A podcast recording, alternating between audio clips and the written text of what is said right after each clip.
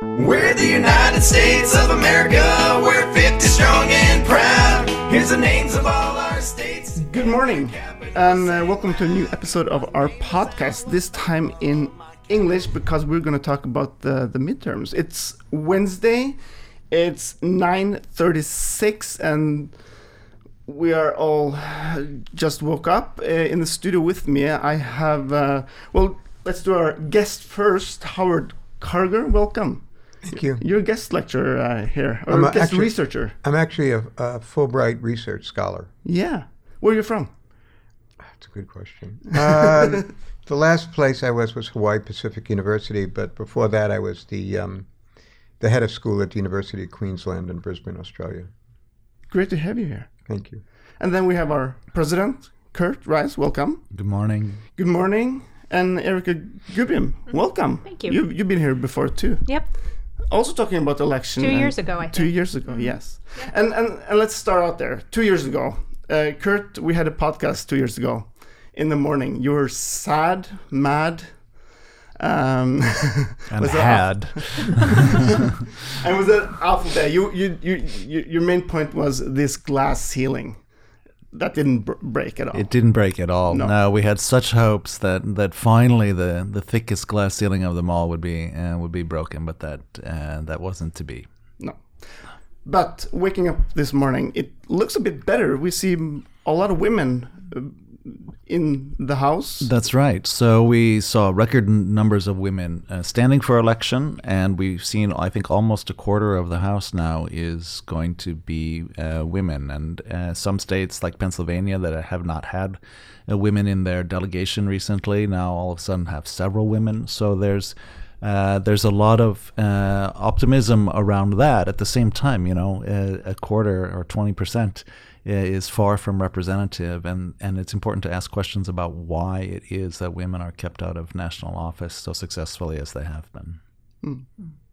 Erika, what's your feelings about waking up this morning and seeing that, well, at least women are, there's more women there. Um. Well, I guess I'm I, I'm kind of critical about everything, unfortunately or fortunately. Um, yeah, I was really heartened, and it was expected that Alexandra uh, Ocasio Cortez uh, won her her seat. Um, she's a democratic socialist, and I think we need voices like that in Congress to change the debate. Actually, so to me, it's more important that we get women of a certain sort uh, making certain arguments uh, about things like Medicare for all and uh, free higher education and the sorts of things that can help um, people that wouldn't normally have access to uh, get above that glass ceiling or reach that glass ceiling to allow them to do that. So I think that to me was the most heartening thing about the uh, elections, actually. Yeah. What about you, Howard? What would you, Well- first thing you thought about when you woke up this morning? First thing, I, I, that I'm that I was happy that I'm alive um, to begin with. I do that, but that happens every morning. Um, but um, no, I mean, I was um, heartened to see that, in fact, for once, the projections actually held, um, as opposed to the Trump vote when it was all over the place. Um, is- about the women, I was certainly glad. I mean, certainly heartened. But I think we have to cut to the surface and see exactly which women got elected because many of them are actually fairly right wing and, and fairly conservative. So I think to just base this on gender alone and to say this is a success in terms of gender, that's true. But the question is again, what do they represent? Um, and we're finding a lot. Sorry, and we're finding a lot more conservative women, very conservative women, both socially and politically and other ways, um, running for office. There are so-called intersectionality issues here as well. For example, two of the women who were elected are Muslim women, and they're the first Muslim women to be to be in the House. So, uh, you know, I agree that it's sometimes too simple to talk about men versus women and to make assumptions about people's positions based on their sex. Uh, on the other hand, uh, it is uh, always positive to see the population somewhat more accurately represented. Yeah. The big theme of this election has been the polarization of the country. Um, how have you when, you're here in Norway now and looking back home, how, have you, how is your view on this polarization from from here? Howard. First of all, I live in Hawaii, and although we're supposed to be a state, we're really not. Uh, and actually, um, Hawaii is the only state with the majority of its residents are Asian, um, and there's actually no no majority. But so, you know, we, we're sort of like off the. No, nobody pays attention to us except when I'm going to go to Waikiki. Um, but um, I, I'm in trouble for a long time because I, I think what we're finding is that I mean people have written about it. There's not one America. There's, there's just not one America anymore. I mean, there's a, such a big difference between California and between Ohio and Indiana and that middle belt and the South. And I question how long the Union can stay together, the viability, the long-term viability of the Union. Oh, Um, when particularly when you see stuff like the racist stuff that was floating around about Stacey Abrams and about Gillum in, in Florida and the tolerance of that and all of that and, and it just seems that that the divisions are so much greater. Um, and you wonder if there needs to be some sort of other arrangement in terms of, you know, the organization of the U.S. as a country. Um, you know, California's for a long time talked about they're not going to do it. Talked about seceding from the union, and California's got the fifth largest economy in the world. So I'm not saying that should happen, but I, I think we're just finding the rifts, the, the, the split, the chasm so large that I'm not sure it's even bridgeable anymore. It's true that polarization is uh, something people are talking about a lot, and you know, Trump is his his unpopularity ratings are stronger than other presidents at this point in their in their term. He is a he is a polarizing factor, and and civil dialogue in many uh, communities and even in many families has become uh, challenging. But I think that one of the positive things about the Trump uh, the Trump trauma is that uh, is related to to the issue of distributed governance. So where we've seen uh, the federal government uh, step back on some things like commitment to climate uh, change policies and so on, we have seen that compensated for by states and even cities stepping up and, and making their own commitments. And that does contribute to a distribution of power in ways that maybe is more salient than what we've seen otherwise recently. And that particular thing I do view positively. I, you know, I think about polarization a little differently. Um, I, I agree that there are, you know, that, that the U.S. is not a united country, but I think the polarization, from what I've seen, I have lived in Florida and Wisconsin and California, and it's very been very clear to me that the polarization is class based. There are two worlds: one for people who have money and resources uh, to have access to private uh, health care, uh, yeah, higher education.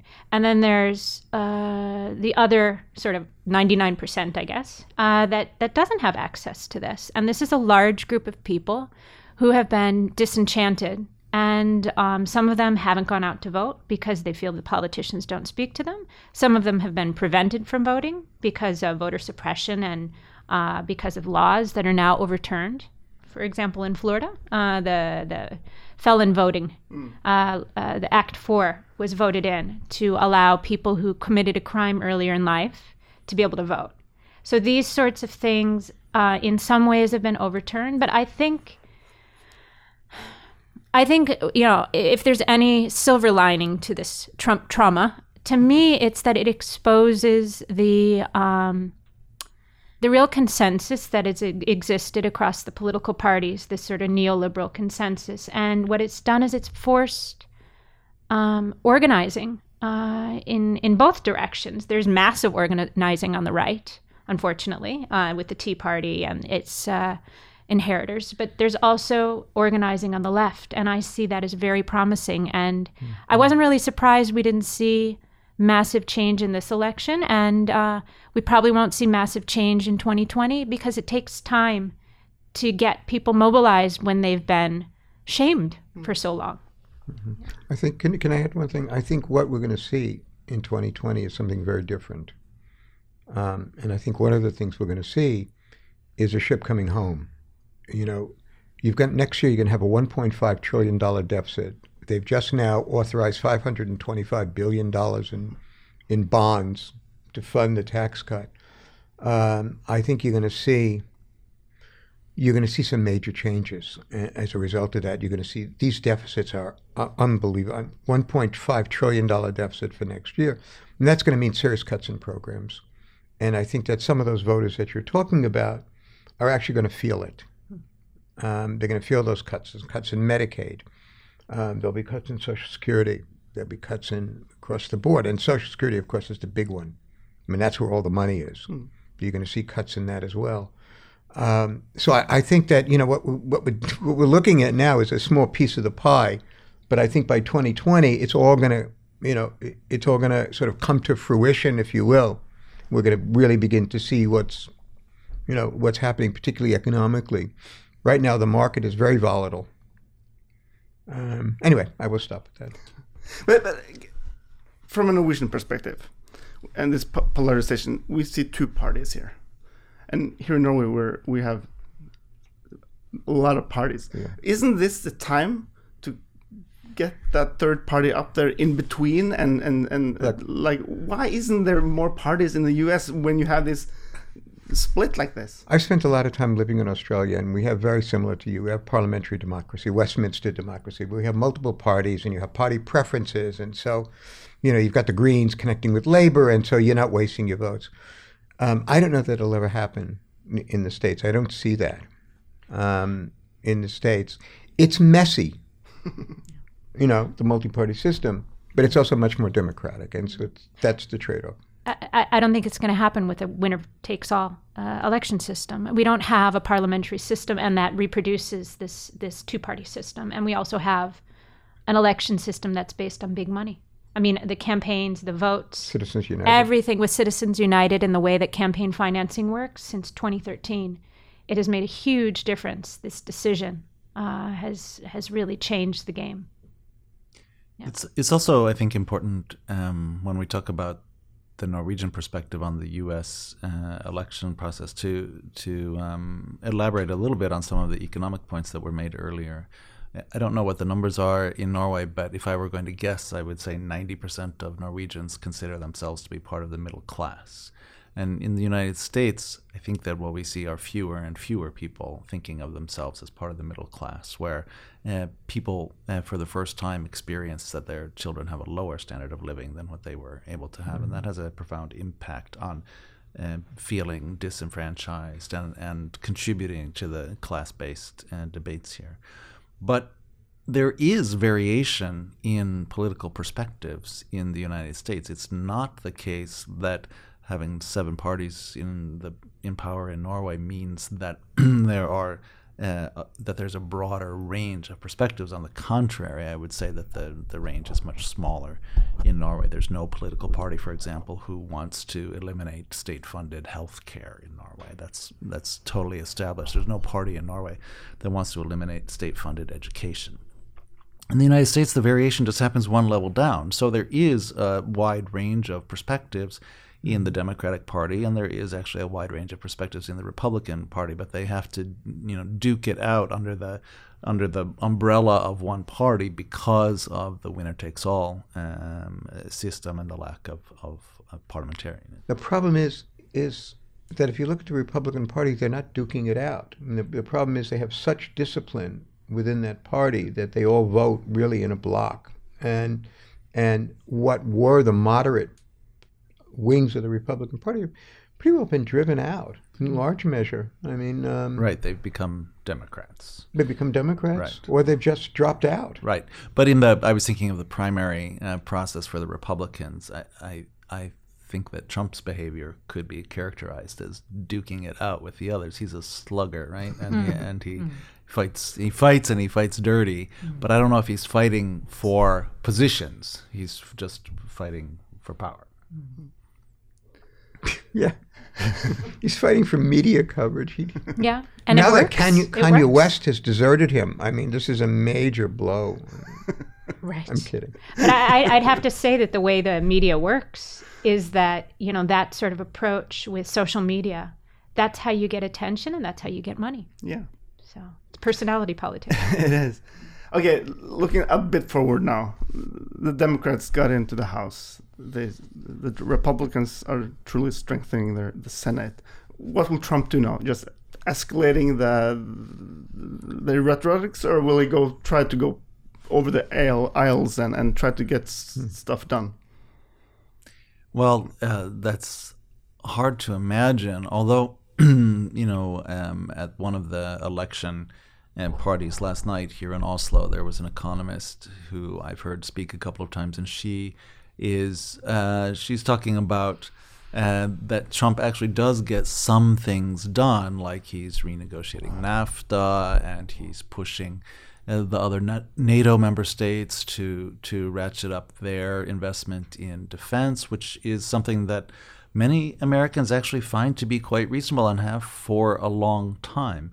Um, it's just that that for some of us, it's hard to even look at potentially reasonable activities being done by a guy who also thinks it's right to take children away from their parents and put them in cages.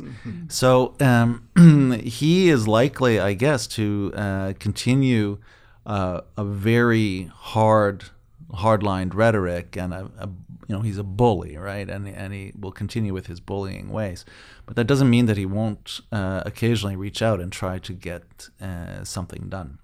But the other thing that's important here is that when the House now is controlled by the opposition party, that gives them really tremendous power to lead various committees in the House, and they, those committees in turn have have the power to initiate investigations. And so, what the Trump White House is looking at now is is uh, a House of Representatives that's going to really take a lot of their energy. They're going to do investigations into Trump's personal finances. They're going to take the Russia investigation in a different way than than a Republican House would have. They're going to look at the kind of corruption that we see among the various uh, um, secretaries of di- different departments in the Trump uh, administration, and that and that's going to become a huge uh, theme for the next two years. That uh, will make, of course, reconciliatory politics more difficult. Yeah. it, I, I I actually worry about that overwhelming focus on investigating Trump because I think it's it's a decoy that Trump has set out and his party has set for the Democrats, and they've fallen right into it time and time again instead of focusing on the issues that matter to the, the vast majority of American people. Health care, national health care, uh, is a hugely popular issue. And the welfare benefits that exist already and that are being chipped, going to be chipped away is very important.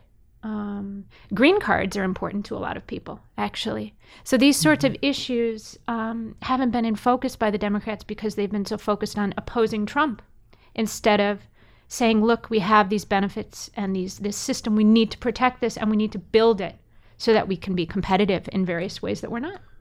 Right, but you notice that Democrats were very disciplined in the election about not focusing on impeachment, for example. So an impeachment can be initiated in the House.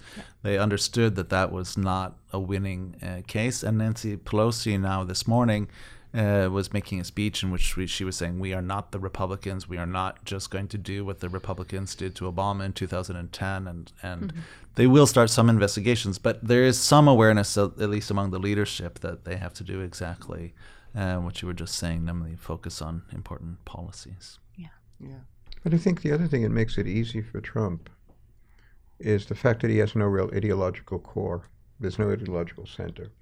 You know, he was a Democrat, now he's a Republican. Um, you know, he can easily, I mean, he can easily change his tune.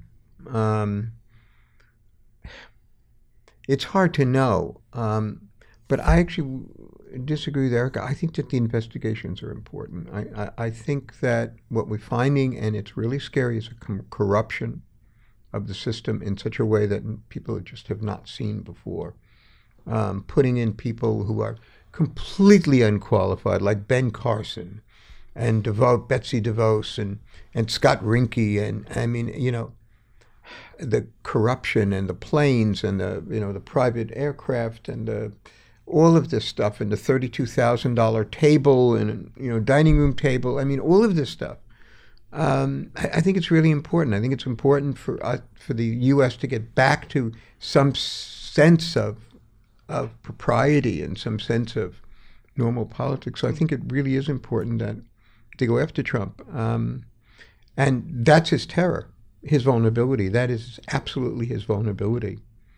Is going into his financial records and figuring out all the relationships he's had with Russians uh, Russian oligarchs and the, the development money and the, you know, and I know I say this on air, but I really think that there's a real issue with laundering, and, and I think that that's really the key issue is the money laundering issue for Trump. That's what he's most terrified of, um, because that's a felony.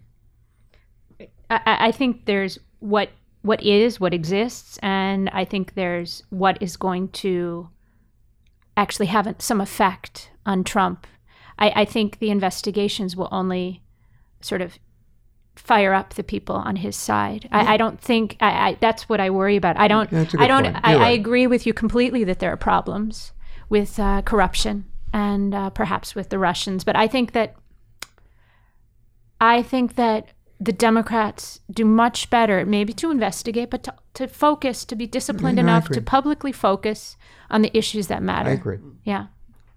Hmm. Okay, guys, before we, we wrap this up, last question for you, uh, for you, because the midterms are is over, and what are we thinking about? That it's the 2020 election. We're going right that way. So, starting with you, Erika, what kind of democratic uh, politician do the Democrats need uh, if they want to win the president uh, election in 2020? What what left, center? What kind of person is this? First of all, I have to say that you know the focus on 2020 reminds me of Christmas right after Halloween. it, it's kind of incredible, but anyway, that's the reality. Um, I think uh, I feel strongly. I, I, actually feel like you know. Uh, I hate to say it, but I, I think Trump has a pretty good chance in 2020. And um, but I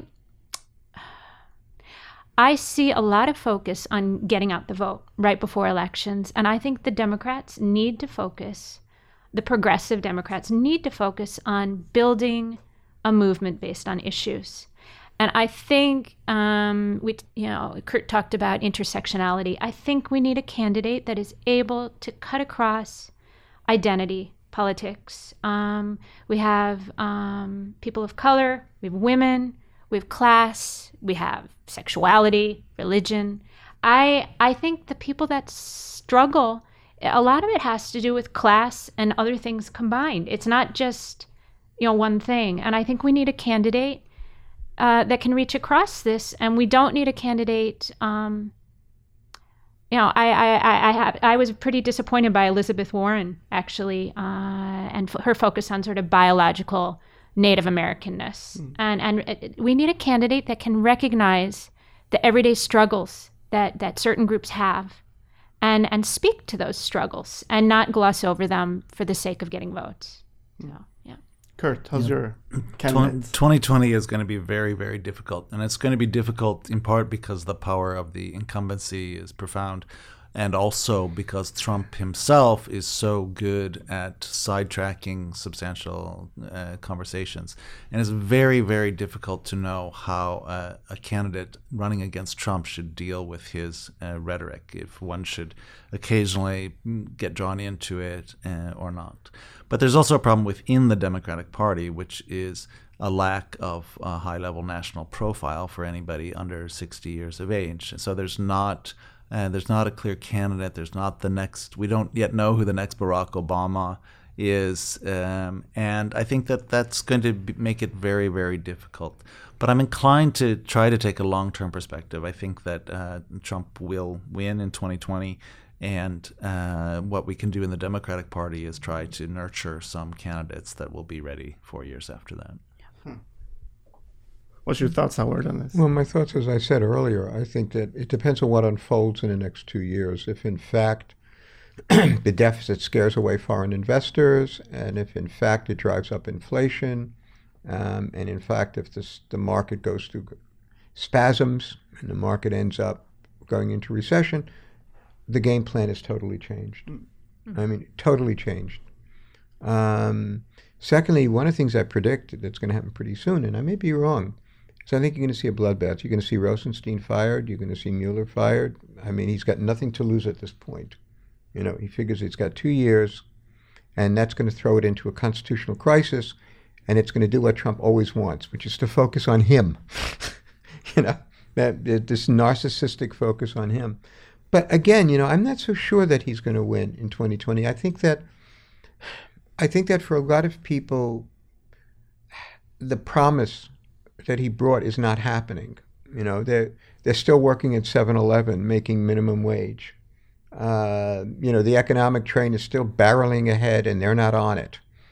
Um, so, I, I, think if, if there is, I think as, as Kirk pointed out, if there's an intersectional candidate, somebody who can really cut across both of this and really speak to working class people. I mean, you know, look, I think transgender bathrooms are important, okay, but they're not important in Indiana and Ohio and those places where where Trump has, you know, so it's the identity politics. I think it has to be broadened out, and I think that the Democrats have to stop being afraid to deal with inequality, class income inequality, class issues, and that stuff, and really bring it home to people, um, and make them realize that their class interests are not furthered by the people they're voting for, and that they need to be you know, they, they need to be quite serious. And, you know, I think, so, lastly, and I think one of the things we'll see is there going to have to be budget cuts because you can't look at a $1.5 trillion deficit without figuring out how to do this. And one of the reasons you've got this deficit is to starve the beast. Okay, the beast being social welfare programs. So the more they starve the beast, at some point, the people at that level are going to mm-hmm. feel the cuts. They're going to feel the cuts. They're going to watch their insurance premiums go up. Um, they're going to watch the drug costs go up. They're going to watch the salaries relatively stagnant. They're going to feel the cuts.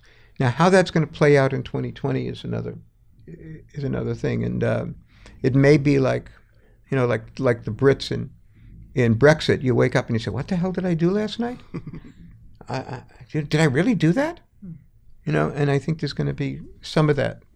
He's going to wear thin. Anyway, I'll stop. thank you very much for joining us in this episode. Uh, so we'll see you again in two years and uh, do a new wrap up, I think, or maybe some. look forward to Thank that. you. Yes, thank you. thank you, and thank you for listening to this episode. We'll be back on Sunday with a new episode. So see you then. Bye bye. Bye. My name is Alabama. My capital's Montgomery.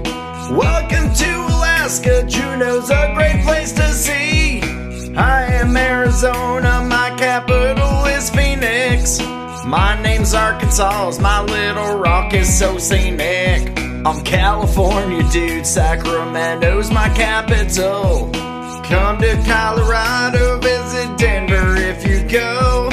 I'm Connecticut, my capital is Hartford. Welcome to Delaware, visit Dover if you're bored. My name is Florida, Tallahassee's a place to be.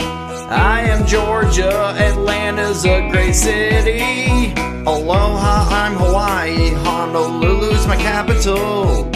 Come to Idaho, visit Boise when you go. We're the United States of America, we're 50 strong and proud. Here's the names of all our states and their capitals saying loud. Welcome to Illinois. Springfield is the place to see. If you visit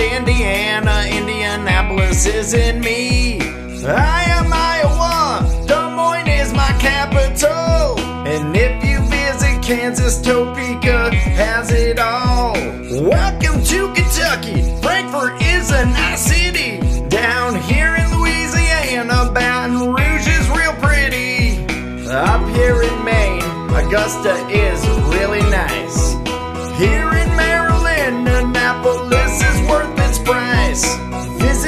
Massachusetts, Boston's a little bean. Up here in Michigan, Lansing is worth a see. Hey, it's Minnesota, St. Paul's our capital.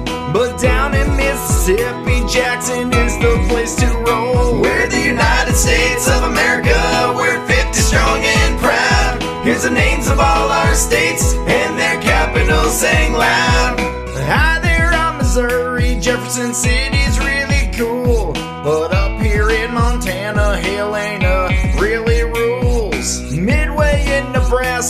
Should stop by Lincoln City.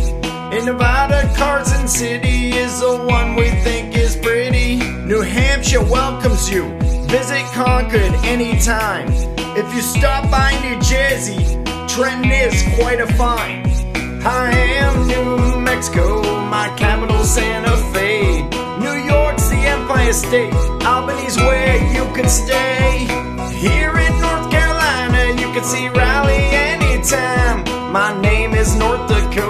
Bismarck is so fine. Ohio is my name, and Columbus is all mine.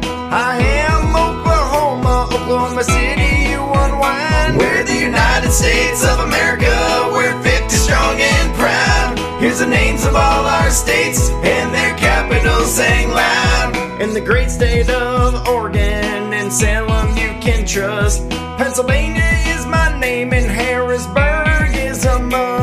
When you're in Rhode Island, Providence is where you should go. I am South Carolina, Columbia is what I know. Up here in South Dakota, Pierre is a heck of a town. When you're in Tennessee, Nashville won't make you frown. Texas is my name, Austin's known for its great music. Utah's